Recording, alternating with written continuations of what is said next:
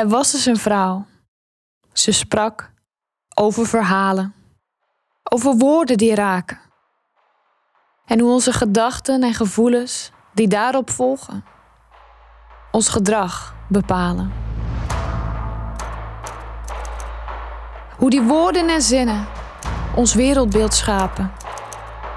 En hoe onze acties die daaruit voortkomen, iedere dag geschiedenis schrijven.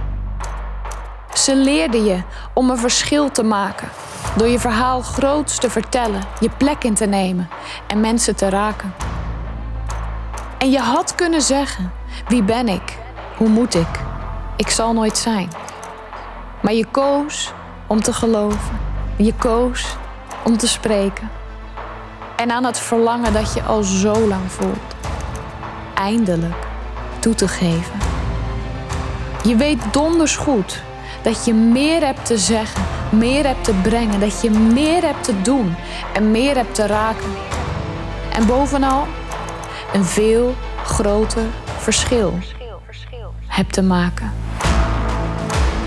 Het is tijd om je plek in te nemen, je roeping te volgen, je grenzen te ontstijgen.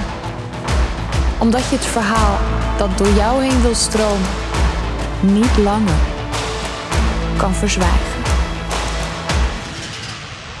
Je weet donders goed dat je groter moet spelen om meer bij te dragen. Een verhaal mag gaan brengen dat dieper zal raken. Je weet diep van binnen dat je meer hebt te gidsen en meer hebt te leiden.